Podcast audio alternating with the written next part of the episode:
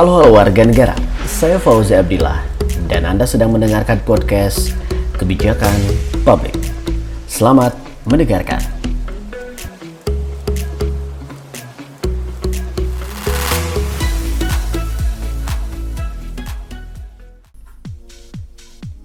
Warga negara yang baik dan cerdas. Minggu lalu, saya telah menjelaskan mengenai kompetensi yang diperlukan untuk memahami mata kuliah kebijakan publik. Yang kedua, saya juga membahas mengenai apa saja pembahasan atau cabang-cabang dalam kebijakan publik. Ada tema-temanya, ada juga fokus studinya. Namun sebelum jauh ke sana, dalam pembahasan kali ini, saya akan menjelaskan tentang konsep dasar dan ruang lingkup kebijakan publik. Ini tentu adalah hal elementer yang mahasiswa perlu pahami agar tidak salah paham yang perlu teman-teman dalami agar teman-teman tidak dangkal. Gitulah kurang lebih ya. Nah, teman-teman, saya akan mengingatkan kembali ya. Uh, secara etimologi, kebijakan publik memang berbicara tentang keputusan pemerintah. Tentu ini dalam konteks negara ya. Keputusan untuk apa? Keputusan untuk mengatur ya, mengatur berbagai bidang kehidupan dalam bernegara. Nah, segala kehidupan itulah yang kemudian memang dikelola oleh negara. Masyarakat dalam konteks demokrasi misalkan, masyarakat memberikan kepercayaan pada negara untuk mengatur mereka. Gitu. Dan dalam mengacu atau dalam membuat kebijakan publik uh, tentu memerlukan proses. Nah, ada namanya analisis kebijakan publik. Nah, dari hal tersebut bisa kita pahami bahwa analisis kebijakan publik bisa kita pahami sebagai proses formulasi berbagai alternatif kebijakan publik. Begitu ya. Kenapa? Karena dalam berbagai persoalan itu sudah pasti kita memerlukan berbagai macam solusi. Karena tidak ada satu solusi yang memang sesuai untuk segala macam kepentingan, segala macam permasalahan. Nah, lalu formulasi-formulasi tersebut kemudian melalui keputusan pemilihan alternatif yang terbaik. Tentu untuk tahu yang terbaik atau tidak memerlukan studi pendahuluan. Nah, biasanya dalam perumusan kebijakan publik ada namanya feasibility study tentang uji kelayakan. Nah, uji kelayakan itu dilakukan oleh divisi khusus yang memang menangani tentang uh, penelitian. Kebanyakan begitu ya, penelitian dengan entahlah itu penelitian dengan studi kepustakaan ataupun penelitian lapangan. Nah, teman-teman bisa pahami ya, kebijakan publik itu memang diawali dan diakhiri oleh keputusan pemerintah tentang apakah ini termasuk wilayah publik atau tidak. Apakah ini termasuk yang perlu diurus atau tidak. Begitu ya. Nah, teman-teman, pada kesempatan lalu saya sudah menjelaskan bahwa dalam kebijakan publik kompetensinya berbagai macam yang diperlukan. Kenapa? Karena kebijakan publik itu memang dipelajari oleh berbagai macam, disiplin ilmu. Kan ada ilmu ekonomi, ada ilmu politik, ada ilmu administrasi, ada uh, bahkan sampai ke sains, sains dan teknologi dan sebagainya. Kebijakan publik ada di ranah itu. Nah, uh, untuk mereka yang tekun atau mendalami tentang kebijakan publik, pasti tidak asing dengan nama Thomas R. Dye gitu ya. Bukan Thomas telah mati ya, tapi tapi Thomas R. Dye. D Y E Dye.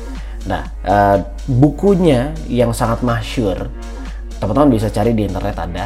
Uh, judul bukunya itu adalah Understanding Public Policy. Nah, dalam Understanding Public Policy, banyak istilah-istilah, banyak eh, contoh-contoh yang selalu diulang-ulang di kelas-kelas publik policy ya. Misalkan salah satunya uh, minggu lalu juga saya sampaikan ini tentang kebijakan publik itu adalah uh, tidak hanya apa yang perlu pemerintah lakukan, tetapi juga apa yang tidak perlu pemerintah lakukan. Begitu ya. Dan dalam kebijakan publik, pemerintah juga uh, perlu menjelaskan sebetulnya apa yang pemerintah lakukan, mengapa mereka melakukan itu, dan apa perubahan yang bisa didapatkan dari perubahan tersebut. Nah, itu dikaji secara mendalam, um, secara apa ya namanya, uh, se dengan proyektif ataupun secara melihat ke belakang gitu ya, melihat ke depan ke masa depan ataupun ke masa lalu. Uh, maka uh, bukunya Robert Reddy itu uh, bisa teman-teman pelajari lebih lanjut um, memahami ya dengan memahami terhadap istilah-istilah yang tadi sempat muncul. Nah, teman-teman, minggu lalu juga saya sempat menyampaikan bahwa dalam kebijakan publik tentu ada kaitannya dengan demokrasi. Begitu ya. Dan demokrasi adalah persoalan representasi. Di dalam negara yang demokratis, biasanya kebijakan publik itu dibuat uh, dan berdasarkan dari aspirasi masyarakat. Begitu ya. Nah, sedangkan di negara yang belum demokratis, biasanya terjadi beberapa distorsi. Distorsi yang menghambat penyaluran aspirasi masyarakat ke si pembuat kebijakan katakanlah tentang kerajaan. Distorsi itu biasanya ya karena ada level-level tertentu dalam masyarakat, ada barrier-barrier tertentu, ada batasan-batasan tertentu yang memang um, apa ya tadi aspirasi itu tidak sampai gitu. Mungkin ada negara-negara yang menyebutkan bahwa mereka demokratis, tetapi pada kenyataannya tidak demokratis. Apakah ini termasuk Indonesia? Silahkan jawab sendiri, gitu ya. Nah, teman-teman, uh, sebagaimana ilmu-ilmu lainnya, kebijakan publik itu juga memiliki teori-teori besar gitu ya atau grand theory atau bisa disebut sebagai grand narrative saat kita mencoba untuk memahami begitu ya setidaknya ada empat teori besar dalam kebijakan publik pertama tentang elite theory yang kedua tentang institutionalism dan yang ketiga tentang group theory. Terakhir tentang political system theory. Yang pertama kita akan membahas tentang elite theory dulu ya. Nah teman-teman, ya, elite theory itu bisa kita pahami sebagai teori yang menganggap kebijakan publik di suatu negara atau daerah itu dibuat oleh ruling elite. Gitu ya. Kalau teman-teman mencoba membuka kembali ya lembaran dalam mata kuliah ilmu negara kira-kira fenomena ini disebut apa atau dalam sistem apa nih? Gitu ya. Nah teman-teman dalam eri teori ini memang berdasarkan apa? Berdasarkan nilai dan pre preferensi dari para ruling elite itu atau uh, para aktor-aktor yang uh, menguasai yang mengatur jadi memang nilai itu ya berdasarkan mereka preferensinya pun ber berdasarkan preferensi mereka Sedangkan masa atau rakyat kebanyakan itu tidak mempunyai akses dalam formulasi ataupun implementasi kebijakan.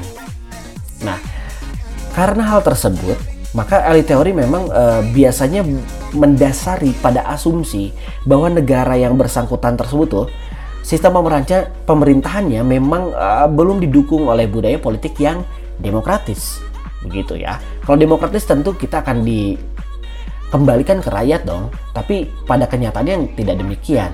Nah, dalam elite theory ini uh, secara formal ya mungkin seperti tadi saya sampaikan ya, pemerintahnya itu memang demokratis, tetapi realitasnya yang belum berfungsi dengan efektif begitu. Dan sering kali kita bisa menyampaikan atau bisa memahami ruling uh, elite dalam elite theory ini kita bisa melihat begini segregasinya ya. Yang pertama, masyarakat itu terbagi dalam sekelompok kecil yang sangat berkuasa. Dan sekelompok lain yang tidak berdaya itu bergantung pada kemauan kelompok kecil tadi. Sebagai apa? Sebagai ruling elite. Gitu ya. Kalau istilah para pol, uh, para ilmuwan politik sekarang adalah oligark. Ya, ruling elite ini adalah oligark. Maka disebut sebagai oligarki.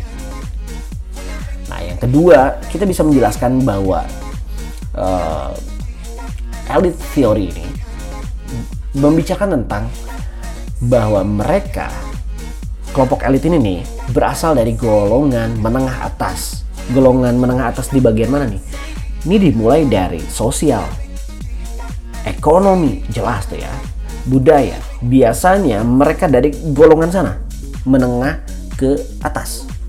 Begitu nah sedangkan yang ketiga kita bisa memahami bahwa perpindahan dari kelompok non elit ke dalam kelompok elit itu sangat terbatas.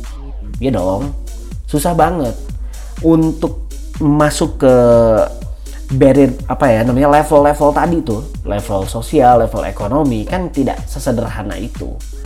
Makanya memang terbatas. Kenapa? Karena mereka sendiri nih perlu menjaga stabilitas dan kelangsungan hidup mereka masing-masing si elit-elit tadi. Nah sedangkan memang hanya mereka sendiri nih yang sudah menerima basic elite konsensus itu yang dapat diterima. Bukan justru orang reformis yang masuk ke golongan elit baru lalu mereka me, apa ya kita menyebutnya sebagai mengubah gitu ya mengubah keadaan. Enggak justru yang bisa memasuki oligark adalah mereka yang sudah memang menyepakati basic elite konsensus gitu. Jadi nggak ada tuh mengubah dari dalam. Justru mereka kalau lo mau masuk lo harus sesuai dengan kita. Sudah sesuai dengan uh, elit baru gitu ya. Nah, lalu teman-teman selanjutnya yang keempat itu kebijakan publik dibuat untuk kepentingan ruling elite tadi dan tidak sama sekali mencerminkan kebutuhan dan keinginan massa. Bisa jadi ruling elite ini membuat narasi-narasi bahwa ini buat Anda semuanya, tetapi enggak, itu untuk kepentingan ruling elite. Lalu yang kelima, perubahan kebijakan publik itu memang sifatnya incremental gitu ya sedikit demi sedikit lambat sekali ya dan sama, sama sekali tidak revolusioner dan justru kalau dalam demokrasi ya masalah atau rakyatlah yang mempengaruhi kebijakan tetapi di dalam elit teori ini kelompok elit justru lebih banyak mempengaruhi masa begitu daripada sebaliknya oke ya itu dia tentang elit teori sekarang kita membahas tentang um, yang kedua itu institusionalisme. Ya, institusionalisme. Kita bisa pahami uh, dalam institusionalisme ini studi kebijakan berdasarkan pendekatan formal gitu ya terhadap peranan institusi pemerintah biasanya itu terkait dengan formulasi dan implementasi kebijakan gitu ya. Dan misalkan gini, contohnya nih Dewan Perwakilan Rakyat, eksekutif, uh, apa ya, badan peradilan dan partai-partai politik, gitu ya. Biasanya DPR, eksekutif, badan peradilan partai-partai politik. Nah, aspek-aspek uh, formal dari institusi-institusi tersebut biasanya ya uh, mencakup kewenangan hukum, peraturan prosedural, dan fungsi-fungsi ataupun kegiatan-kegiatannya Nah, teman-teman, institusionalisme economics ya atau yang tadi institusionalisme itu biasanya melihat kebijakan ekonomi contohnya ya menurut peranan pemerintah dalam mengatur kehidupan perekonomian untuk mengoreksi kelemahan mekanisme pasar. Jadi, institusionalisme ini peran yang lebih banyak itu memang pemerintah. Tadi kan bisa dijelaskan ya bahwa biasanya aspek-aspek uh, apa namanya orang-orang itu atau pendekatan formal dan institusional itu ya tadi institusi DPR, institusi eksekutif, badan peradilan, partai-partai politik. Jadi memang sudah struktural sekali tuh pendekatan dalam institusionalisme. Tadi misalkan uh, tentang economics, kebijakan ekonomi itu memang lebih bergantung pada bagaimana peranan pemerintah uh, entahlah itu mengatur begitu ya, mengawasi dan sebagainya. Jadi uh, memiliki intensi tersendiri untuk mengoreksi kelemahan mekanisme pasar. Uh, contohnya nih ya, misalkan pengendalian perbankan agar entahlah misalnya berbicara tentang penyaluran kredit itu biar nggak berlebihan gitu karena uh, seperti kita ketahui jika kredit tersebut macet begitu lalu penyaluran kredit nih yang karena penyaluran kredit yang berlebihan biasanya ada muncul uh, gejala bubble economy gitu ya. Karena apa? Karena penyaluran kredit tersebut ya berdasarkan permintaan aja gitu. Nah kalau kita ingin memahami tentang bubble economy itu bisa kita lihat tentang subprime mortgage gitu ya kegagalan sub, uh, subprime mortgage di Amerika Serikat. Nah sehingga memang uh, menyulut krisis keuangan global. Oh ini terjadi berkali-kali tidak hanya sekali ya tentang bubble economy ini hasil pecah dan kepecahan itu yang membuat uh, persoalan. Nah uh, dalam institusionalisme peran pemerintah peran institusi itu sangat berpengaruh dalam uh, perumusan gitu ya dalam evaluasi dalam pelaksanaan kebijakan publik. Oke ya itu yang kedua tentang institusionalisme. Nah yang ketiga tentang group theory Nah, dalam uh, grup teori ini uh, biasanya gini. Teori ini menganggap kebijakan publik itu sebagai produk dari perjuangan kelompok. Oke ya. Misalkan kita sudah mengenal tentang para kelompok penekan gitu. Lalu uh, dan kebijakan publik ini memang uh, bisa disebut sebagai titik equilibrium dalam suatu perjuangan antar kelompok. Jadi uh, ini adalah sisi paling washington gitu ya. Washington itu moderat ada di tengah-tengah titik keseimbangan. Makanya disebut sebagai titik equilibrium uh, dalam suatu perjuangan antar kelompok. Karena kelompok itu banyak ya ada pressure group. Nah uh, teori ini memang uh, hasil dari perjuangan perjuangan kelompok tersebut. Nah, penekanan ini pada bagaimana peranan political interest group gitu dalam proses formulasi dan uh, implementasi kebijakan gitu. Dan uh, ini memang biasanya yang berkaitan dengan kelompok-kelompok yang berkepentingan misalkan berbicara tentang UMR atau UMP ya. Um, ini kan sesuai dengan kebutuhan dan keinginan ataupun harapan dari kaum buruh misalkan. Nah, uh, jika ada kebijakan publik yang sesuai dengan yang dimau oleh uh, tadi ya kelompok penekan tadi, pressure group tadi lalu menjadi kebijakan publik itu yang kita sebut sebagai ini gejala grup teori itu kayak gitu kalau kita lihat kan memang ini demokratis ya jadi um, grup teori ini bisa dipandang sebagai mendekati pemerintahan yang demokratis karena berdasarkan prinsip demokrasi yang banyak kita kenal tentang dari rakyat, oleh rakyat, dan untuk rakyat. Ya. Nah, dalam masyarakat modern, prinsip tersebut uh, tidak dapat diterapkan secara langsung gitu.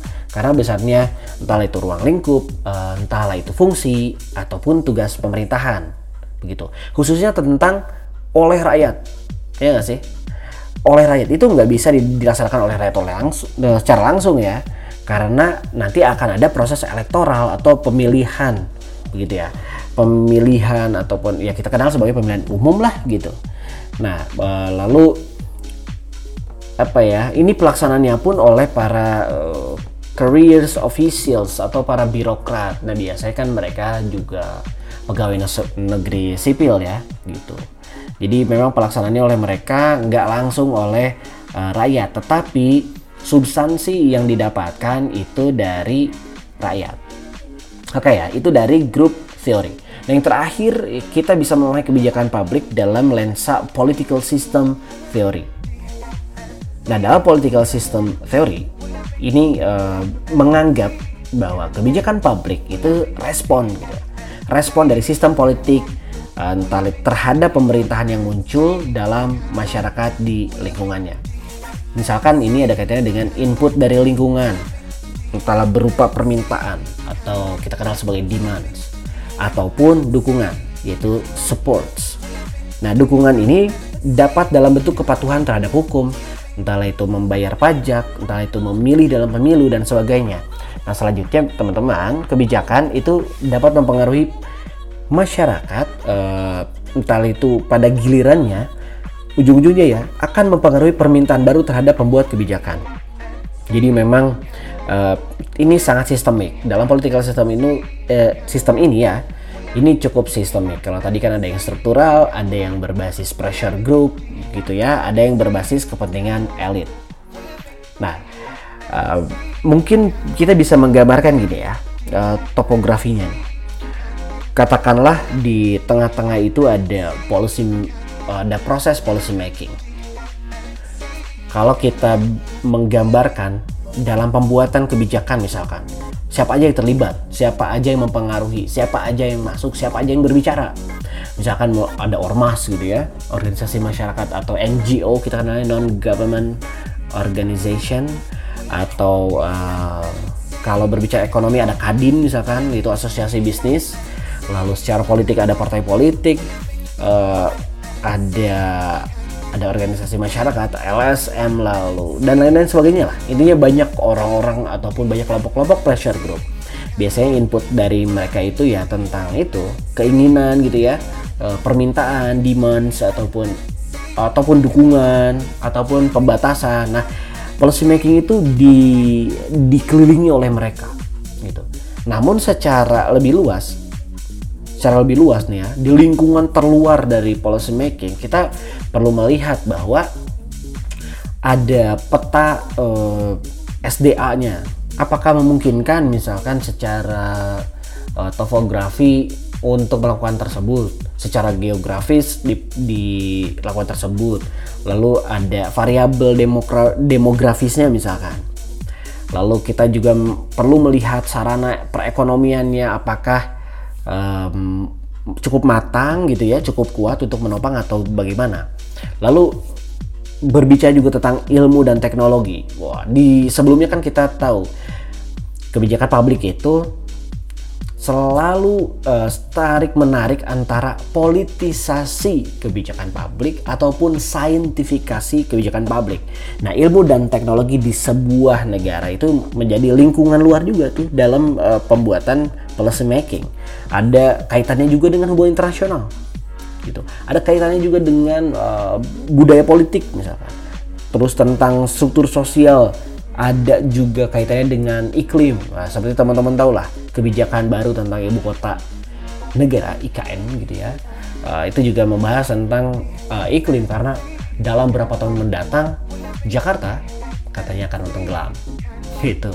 Lalu um, kalau kita lihat juga ya dari peta kebencanaan, setidaknya setidaknya nih Pulau Kalimantan adalah pulau teraman dari gempa bumi, sedangkan pulau-pulau yang lainnya itu termasuk dan dilewati oleh area Ring of Fire.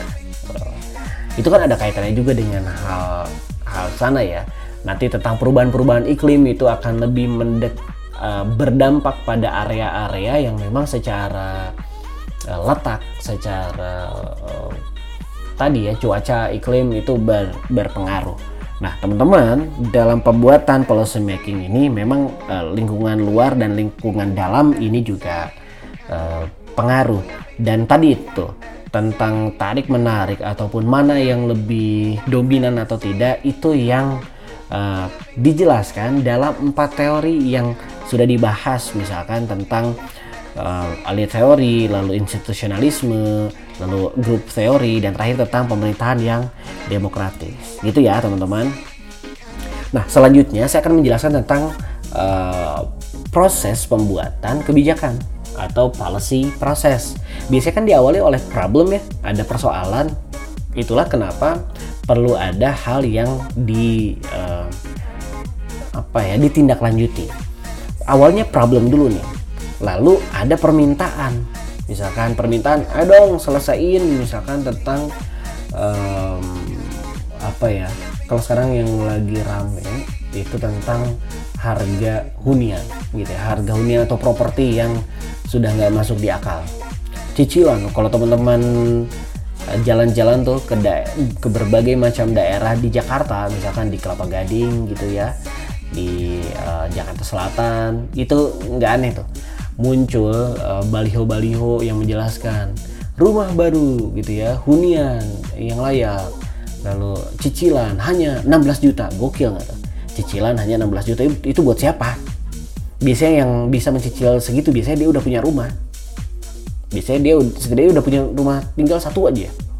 16 juta bro. 16 juta untuk mencicil. Nah ini jadi persoalan. Nah itu menjadi public demand misalkan tapi apakah itu masuk ke uh, apa ya policy agenda dari pemerintah? Jika memang itu menjadi prioritas atau itu menjadi salah satu agenda, itu biasanya akan dilanjutkan uh, sebagai ya ini agenda kita. Tetapi permintaan tetaplah hanya sekedar permintaan. Kalau dia tidak masuk ke agenda, itu tidak akan dilanjutkan prosesnya. Jadi uh, policy demand itu jika dia tidak masuk ke dalam agenda nggak dilanjutin. Tetapi jika policy demandnya termasuk dalam agenda ya udah dilanjutin. Gitu ya. Nah ada juga setelah masuk ke agenda apakah ini dibiarin aja?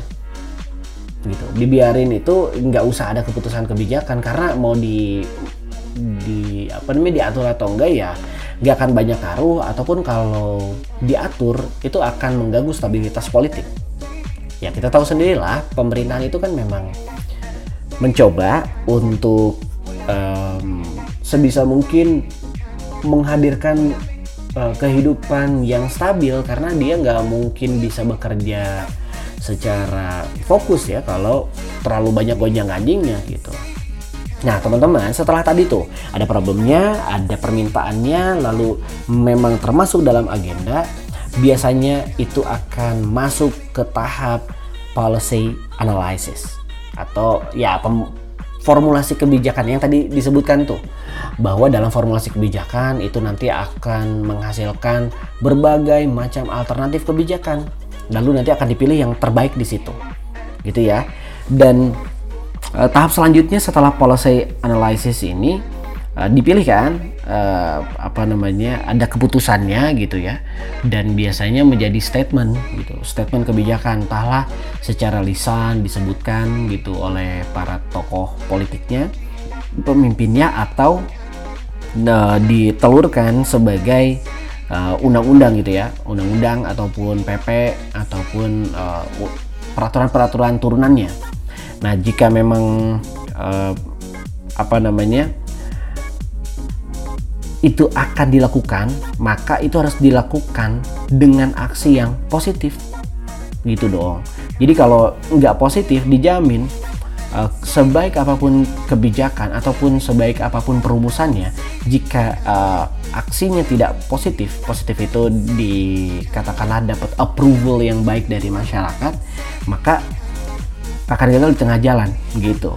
Nah, uh, setelah tadi tuh uh, kebijakan sudah dipilih, maka ada um, namanya perlu apa ya ngecek gitu ya, ngecek tentang bagaimana implementasinya, bagaimana outputnya. Nah, bagaimana implementasinya dan bagaimana outputnya ini yang kemudian uh, dievaluasi gitu, dievaluasi.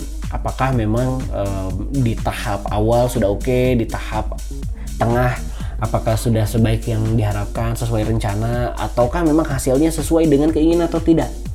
Nah, dari hasil evaluasi tadilah menjadi um, apa ya? Jadi umpan balik feedback gitu. Feedback kembali lagi ke awal kembali lagi ke tahap apakah ini menjadi policy agenda selanjutnya atau tidak. Misalkan perbaikan ini kan harus ada. Uh, misalkan tadi jika membahas tentang kebijakan um, penyediaan rumah gitu ya, rumah layak, rumah tinggal untuk masyarakat jika misalkan sudah diambil kebijakannya, sudah ada implementasinya, sudah ada outputnya seperti apa, lalu ternyata tidak sebaik itu dan menjadi uh, umpan balik, dapat umpan balik, apakah itu akan diulangi lagi dengan ritme, dengan format yang lebih baik daripada sebelumnya dan itu harus masukkan ke policy agenda gitu ya. Dan intinya seluruh proses ini berkaitan tentang siapa pun mereka yang me, uh, menginisiasi dan menjaga prosesnya itu. Dan yang paling penting adalah apa dampaknya untuk masyarakat. Gitu ya, teman-teman. Jadi dalam policy uh, proses itu ada di sana. Oke ya, uh, itu dia dari saya untuk penjelasan tentang konsep dasar dan ruang lingkup kebijakan publik di bagian pertama. Terima kasih teman-teman. Uh, Semoga tetap semangat. Bye bye.